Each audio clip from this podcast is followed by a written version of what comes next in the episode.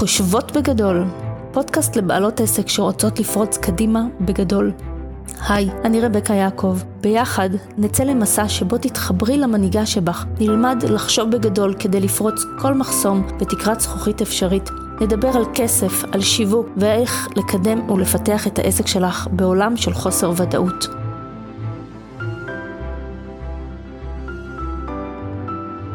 אהלן לכולן. בפרק היום אני רוצה לדבר על שיווק. יש כל כך הרבה חששות וחוסר הבנה בכל מה שקשור לשיווק אצל עסקים קטנים, ובא לי לעשות קצת סדר בנושא, ואולי אפילו לגרום לך קצת לחבב את השיווק. את בטח חושבת לעצמך ככה, את מגלגלת עיניים כזה ואומרת לעצמך, אין סיכוי שבעולם שאני אוהב שיווק. אבל אם כבר הגעתי לפודקאסט הזה, אז אני מוכנה להקשיב.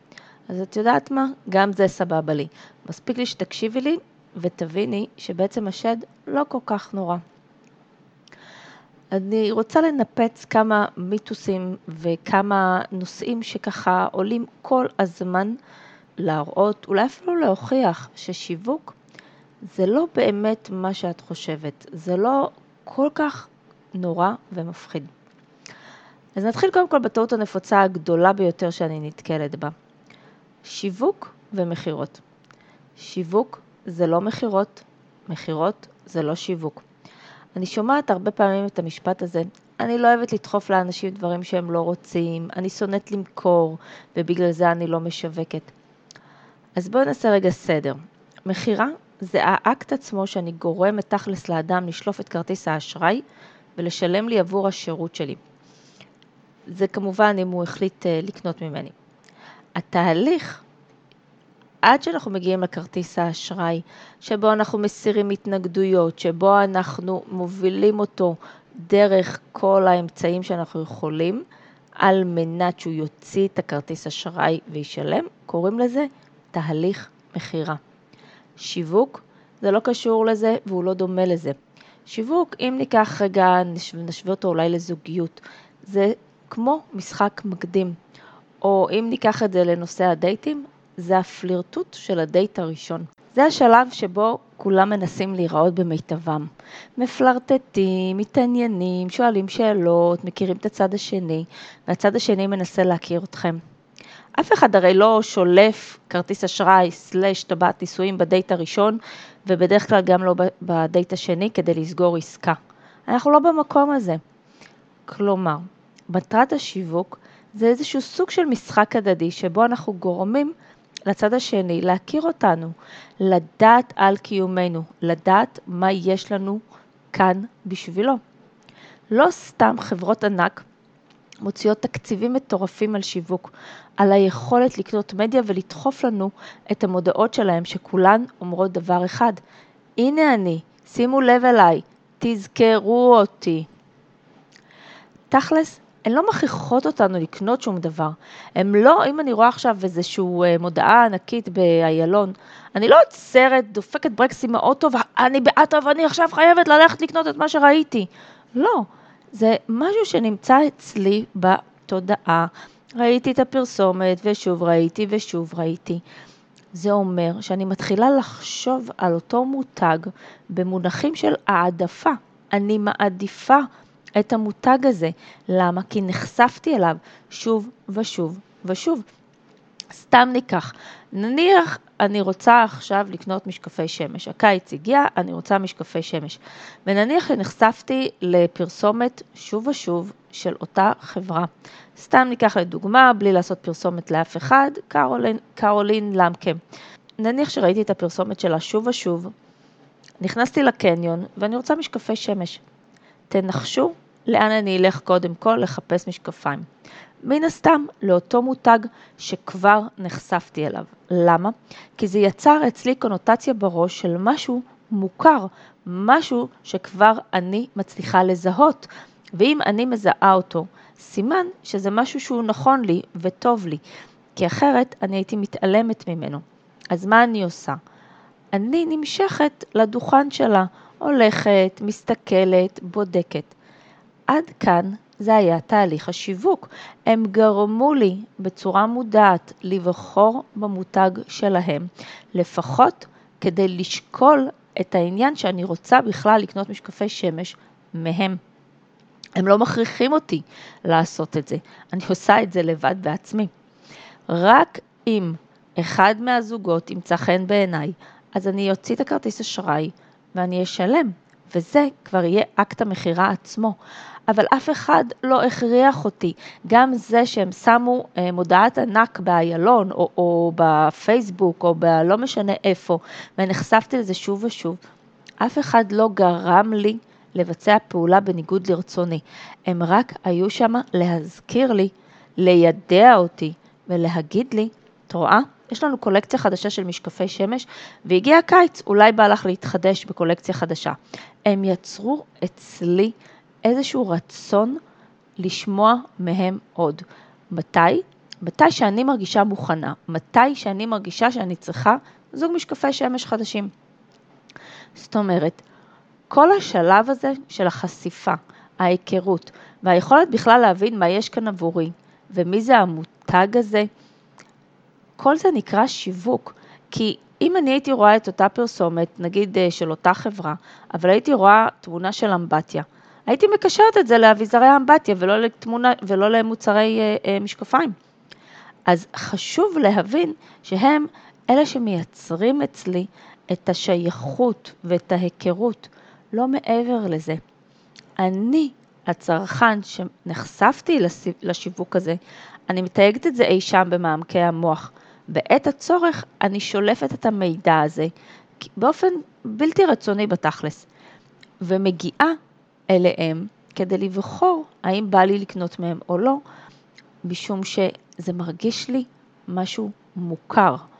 המוח שלנו אוהב דברים מוכרים, ולכן ככל שהפרסום הוא יותר חזרתי, ככה הרבה יותר קל למוח שלנו להיחשף אליו ולהכיר אותו. עכשיו, נכון, אנחנו בעולם העסקים הקטנים, אין לנו תקציבי ענק כמו לחברות הגדולות, אבל אנחנו צריכים לקוחות בדיוק באותה מידה, כי הם ה-bread and butter שלנו, בלי זה לא נשרוד ואנשים לא ידעו על קיומנו. אז גם אם בהתחלה סיפרתי על העסק שלי לשכנה, לאימא שלי, לדודה שלי, לסבתא, לאחות, וכולם יספרו לחברים שלהם, הם לאו דווקא הקהל שלי. אז גם העניין הזה של מפה לאוזן הוא לא מספיק לנו, ואנחנו חייבים לשווק. חשוב מאוד מאוד להבין בקטע הזה שאנחנו לא דוחפים כלום ושום דבר, רק נמצאים שם, נמצאים בתודעה, נמצאים ב mind של האנשים. זה צורך קיומי של העסק. ואם העסק הגדול, עסקים גדולים, שופכים מיליונים על שיווק, אז גם אנחנו חייבים להבין את זה שזה בשבילנו כמו אוויר לנשימה, רק לנו אין את המיליונים האלה לשיווק, ולכן זה חשוב פי כמה וכמה להיות בשלב הזה. אז שיווק הוא לא מטרות שאפשר לוותר עליו, והוא בטח לא משהו שאנחנו דוחפים או מכריחים אנשים אחרים לצרוך או לקנות מאיתנו. פחד נוסף שתמיד מונע מאיתנו לשווק הוא דווקא היכולת לדבר בשבחנו. נדמה לנו שאם אנחנו משווקים אנחנו אוטומטית משבחים, מפרגנים או מהללים את עצמנו. אבל זהו, שזו טעות נפוצה מאוד מאוד גדולה. משום ששיווק בכלל, בכלל, בכלל לא קשור אלינו. ואני אגיד עוד פעם, בכלל בכלל לא קשור אלינו. הוא לא מדבר בשום צורה עד כמה אנחנו טובים או נפלאים ומעולים, אלא שיווק אך ורק מדבר אל הלקוח הפוטנציאלי שלנו.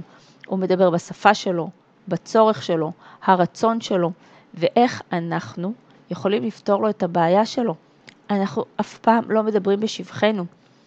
כן, אנחנו יכולים להשחיל סיפורי הצלחה, כן, אנחנו יכולים להוסיף פרגונים מלקוחות, אבל אנחנו אף פעם לא מדברים עלינו, אנחנו רק השליח שמעביר את המסר. לכן, כדי שהשיווק יהיה רציני ואפקטיבי, אנחנו קודם כל חייבים להבין מול מי ומה אנחנו עומדים. הכוונה היא ממש לנתח את הפרסונה שאליה אנחנו רוצים לפנות, מי הלקוח האידיאלי שלנו. אנחנו חייבים להבין לעומק, בצורה בלתי ניתנת לערעור, מה הצורך שלו, מה הוא רוצה, ורק אחר כך אנחנו מתחילים להפיץ את הבשורה שלנו. כי סתם לעמוד ולצעוק את מה שיש לנו להגיד, או להפיץ את זה בכל דרך אחרת, זה נחמד. אבל אם זה לא מדבר לאף אחד, או אם אני לא מדברת לקהל הנכון שלי, שאני פותרת לו את הבעיה, אז אני עובדת סתם לשווא. משפט נוסף שאני שומעת הרבה בשיווק זה אין לי זמן לשווק. אז למשפט הזה יכולים להיות לנו בעצם שני היבטים. היבט אחד זה הפשט, נקרא לזה ככה. אם אין לנו זמן לשווק, בתכלס אין לנו זכות קיום, ואני אגיד את זה בצורה בוטה. אם אין לי זמן לשווק, אז איך יש לי זמן בכלל שיהיה לי עסק? זה לא נשמע נחמד, ואני גם לא מתכוונת לעדן את זה, אבל בתכלס, כשאתם החלטתם להיות אותם יחידי סגולה שהם בעלי עסק או בעלות עסק, אז היה צריך להיות ברור ומובן שלא מתעסקים אך ורק בעשייה של המקצוע. יש לזה כל כך הרבה נדבכים. אני, צר לי שאני אומרת את זה בצורה בוטה ואולי שוברת את המיתוס הזה, אבל אם אתם לא תשווקו, לא יהיה לכם עסק. אף אחד לא ידע עליכם, אף לא, לקוחות לא יגיעו. אם הלקוחות לא יגיעו, העסק ילך ויגסוס. אז גם אם אתם הכי מעולים במה שאתם עושים, אם אף אחד לא ידע על זה, אם אתם לא תשווקו את העסק ותגידו על הפתרון שלכם, על איך אתם עוזרים לבן אדם להפסיק את הכאב שלו, לא משנה באיזה תחום, הוא לעולם לא ידע שהוא יכול להגיע אליכם. ועכשיו ניקח את זה לרמה עוד יותר עמוקה. תכלס, המילה אין לי זמן, זה איזשהו מין קוד כזה כשאנחנו לא רוצים לעשות משהו. כמו שאנחנו אומרים uh, לילדים שלנו, אין לי זמן לזה עכשיו, אין לי, אין לי כוח לזה עכשיו. אז השאלה האמיתית היא, למה אין לכם זמן לשווק? האם הסיבה האמיתית היא כי נמנעים מפחד מחשיפה, או מאחד מהדברים הקודמים שציינתי למעלה? למה באמת אתם חושבים שאין לכם זמן לשיווק? הרי זמן זה דבר גמיש, אנחנו מחליטים מה לעשות עם הזמן שלנו. אם אנחנו מבזבזים את היום בדברים שהם לא חשובים, אז הזמן נעלם. אבל אם אנחנו מתמקדים בדבר אחד, שניים, שלושה, שאנחנו יודעים שהם הכי חשובים לקיום העסק שלנו, אז אנחנו נמצא זמן לכל מה שרק נרצה. וכמו שיש דברים שהם דחופים, אם הילד שלנו עכשיו יצטרך אותנו דחוף, אנחנו נקום ונעזוב הכל ואנחנו נהיה, נהיה איתו, הרי אנחנו לא נעז להגיד לו, אין לי זמן. אותה, באותה מידה, שיווק הוא אחד הדברים המרכזיים, לב ליבם של העסק שלכם, שאתם חייבים להקדיש לו זמן. גם אם זה אומר לפנות לכם ביומן כל יום שעה, שעה וחצי, אבל זה חייב להיות ברור שזה חלק מסדר היום שלכם.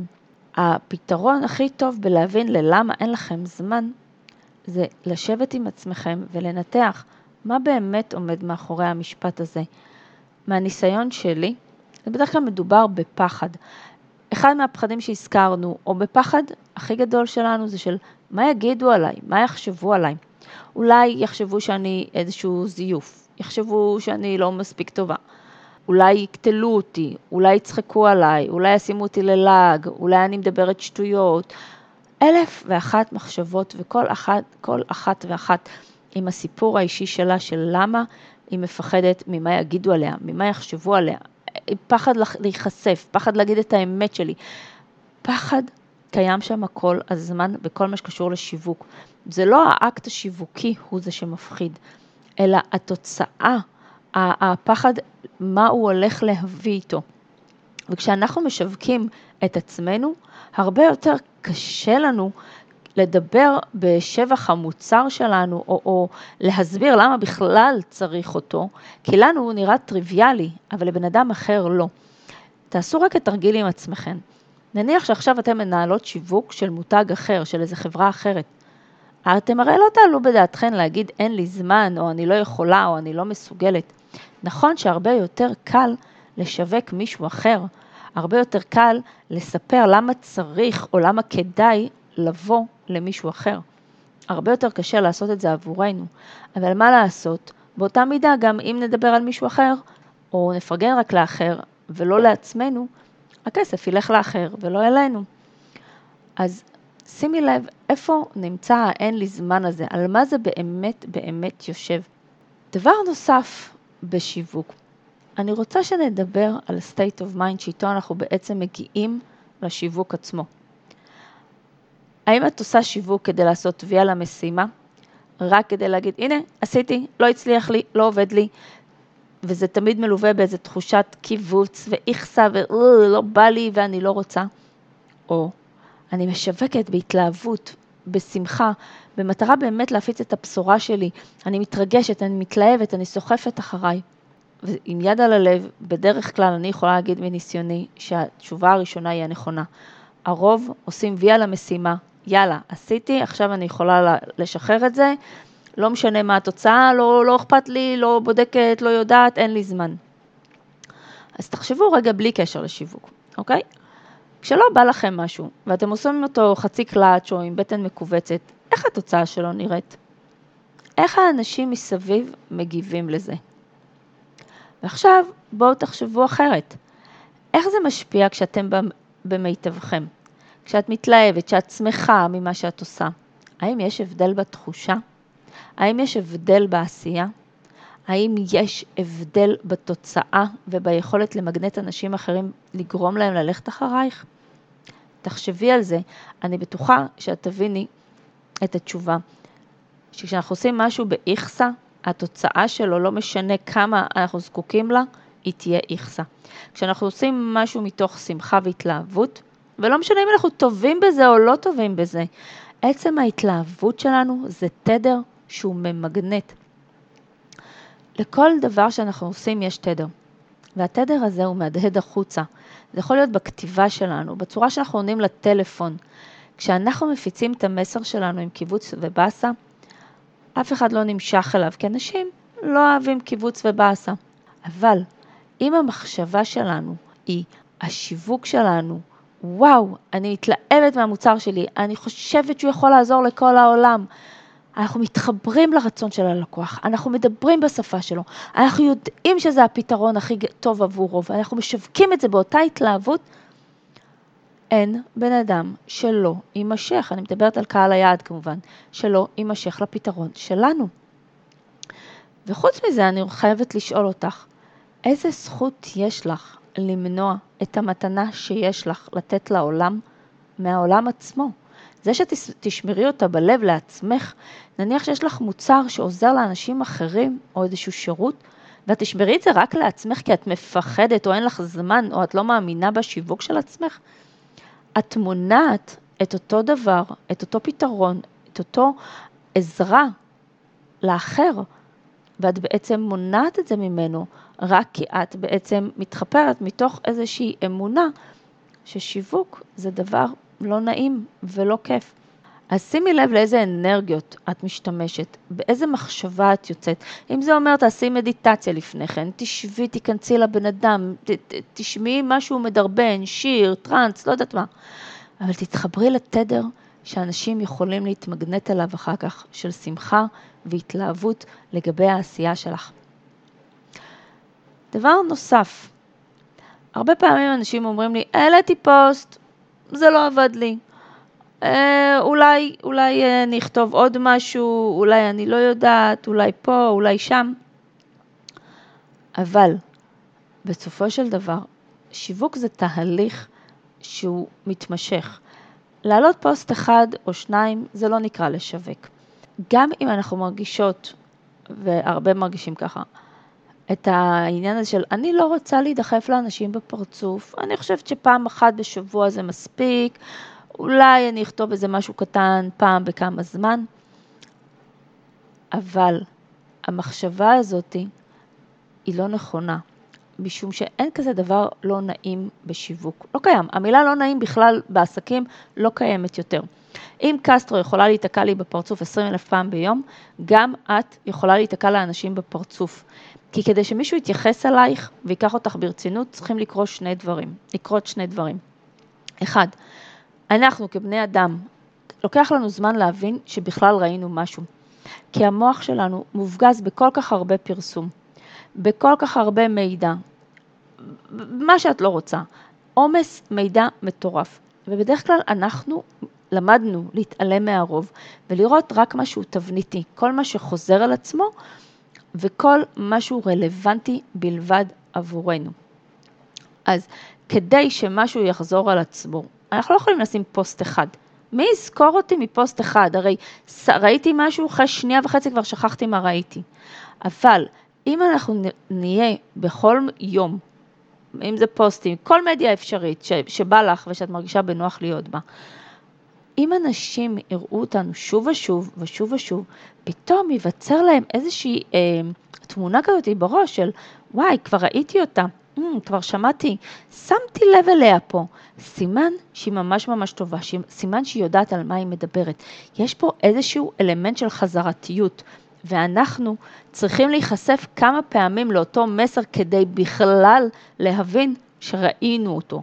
אז ככה שאם כתבתם פוסט אחד פעם ב, סביר להניח שזה גם יישאר ככה, אף אחד לא יזכור את זה ואף אחד לא ידע מי אתן. הדבר השני שצריך לקרות זה שלאנשים יהיה צורך אמיתי במוצר. אף אחד לא ישים לב אלייך, גם אם תהיי 30 אלף פעם בפנים שלה, אלא אם כן אותו בן אדם נמצא במצב של חיפוש או התעניינות בפתרון שלך.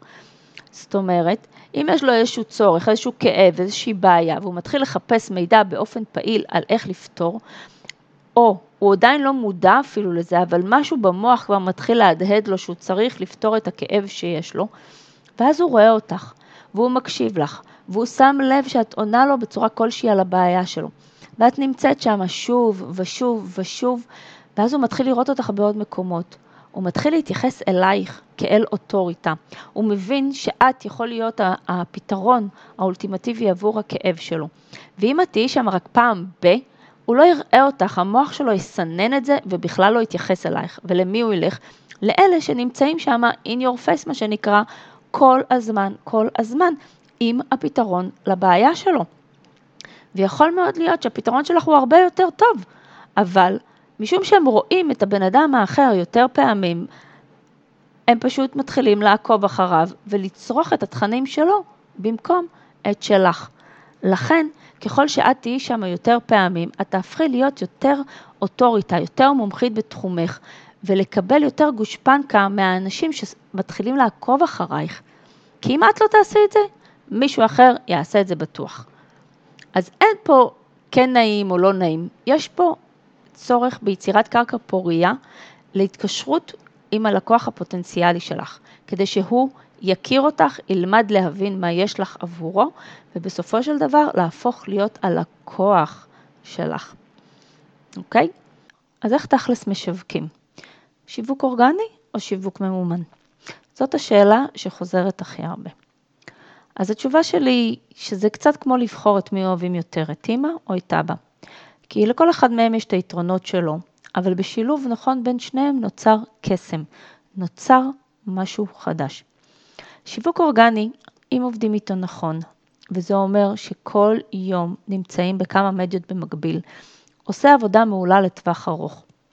הוא יוצר חיבור איכותי יותר ולידים ברמה גבוהה. הוא הופך את תהליך המכירה כמעט ללא רלוונטי, כי אנשים קונים אחרי שהם מכירים אותך ברמה מאוד מאוד מעמיקה ומרגישים מאוד בטוחים ומגיעים כבר מוכנים לרכישה. הוא חינמי ויש הרבה מאוד מדיות שמאפשרות להשתמש בו כדי לחשוף את העסק.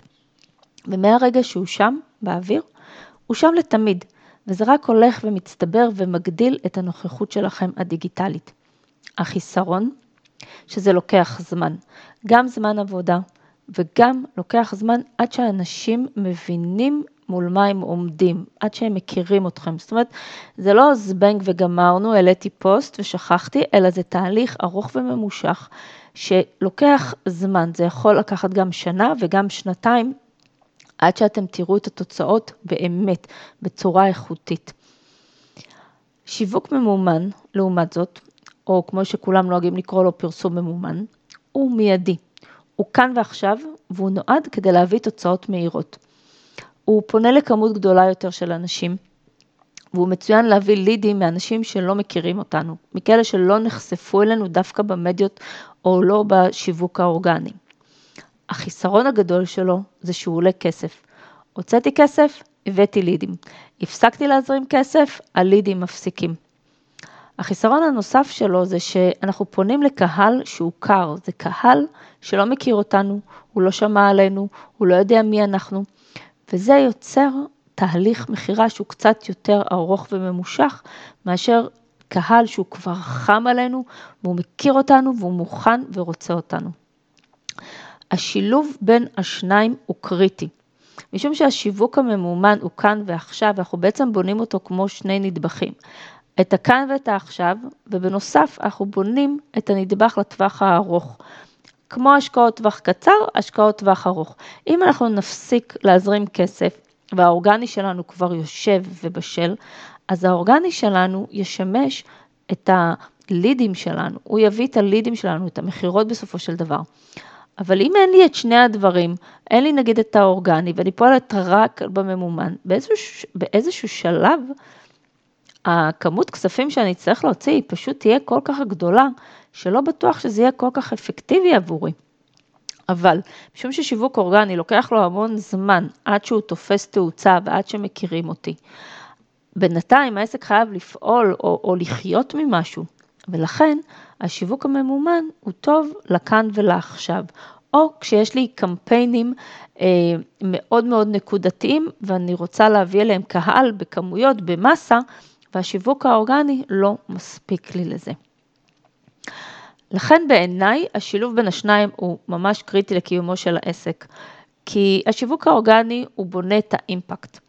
הוא יוצר את האוטוריטה, הוא גורם לאנשים לראות אותנו בכל מקום, להכיר אותנו, לחבב אותנו ובסוף לקנות מאיתנו. והשיווק הממומן יכול לתרום לזה, בעיקר אם אנחנו משתמשים בו בשתי דרכים שונות. אחד, לפנות לקהל שנחשף אלינו, וקוראים לזה remarketing, ואז אנחנו בעצם יכולים להגיע לקהל שכבר נתקל בנו, אבל עוד לא היינו ב state of mind של רכישה, הוא עוד לא היה ב state mind של רכישה, ולהראות לו אותנו פשוט להיות שם נוכחים סביבו כל הזמן, אבל הוא כבר נתקל בנו, ולכן התהליך להביא אותו אלינו יהיה הרבה יותר קל. וכנדבך נוסף, זה לפתוח את הנושא הזה של הפרסום הממומן לקהל חדש, קהל שעדיין לא מכיר אותנו ולא ראה אותנו באמצעי הפרסום השונים. אז אם נסכם את הפרק של היום, קודם כל, צאו לשווק. תפסיקו לפחד ממה יגידו עליכם, ויש לי פרק שלם שמדבר על זה, אם בא לכם ככה לגלול ולחפש אותו.